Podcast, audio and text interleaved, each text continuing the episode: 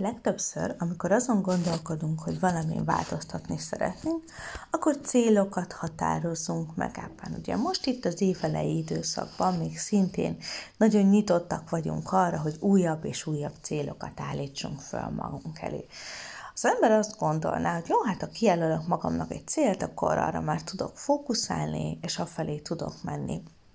Igen ám, de ez azért nem olyan könnyű, mert célok és célok között is van különbség, és majd olyan stratégiát szeretnék nektek elmondani, amivel valóban jó, sőt mondjuk úgy talán, hogy okos célokat lehet felállítani.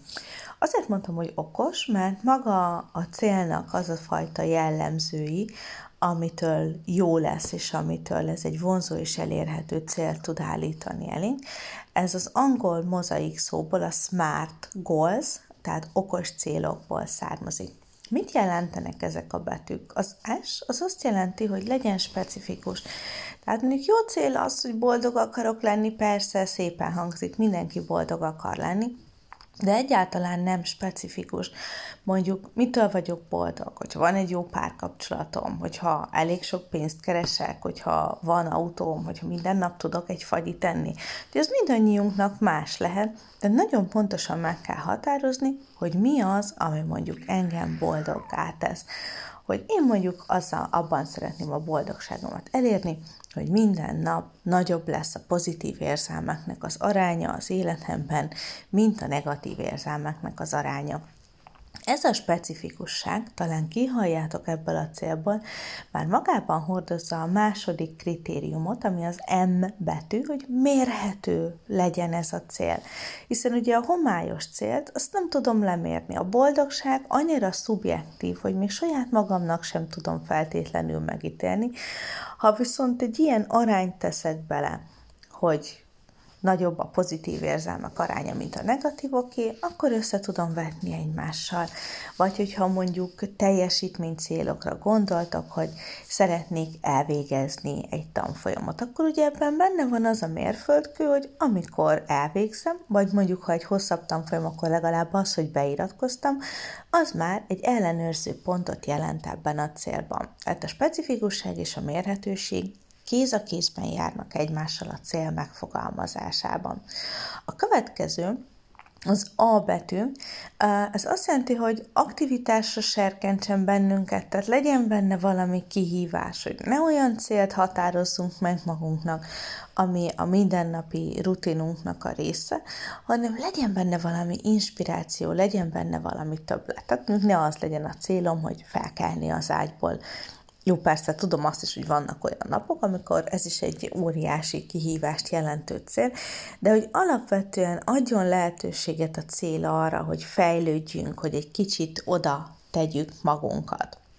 Jön is a következő kritérium viszont, ami ezt az aktivitást, vagy ezt a kihívást egy picit szabályozza, ez az R betű, hogy legyen reális az a cél, tehát hogy legyen megvalósítható, hogy ne állítsak magam elé olyan kihívást, ami mindvégig szorongatni fog engem, hogy jaj, vajon fogom-e tudni teljesíteni, jaj, vajon képes leszek-e rá, mert hogy nézzem meg a lehetőségeket, hogy mondjuk nem mondjam azt, hogy szeretnék valamilyen, ha a képzési célra gondolunk, szeretnék valamilyen végzettséget szerezni egy éven belül, de csupa két éves képzés van a piacon. Ugye akkor ez egy lehetetlen cél lesz, tehát hogy igazítsam a külső körülményekhez, az én saját erőfeszítéseimhez, hiszen ezeknek az okos céloknak nem az a lényege, hogy megfeszítsük magunkat és szétessünk az óriási nagy munkában, hanem az a lényege, hogy jól érezzünk magunkat, miközben dolgozunk a célon.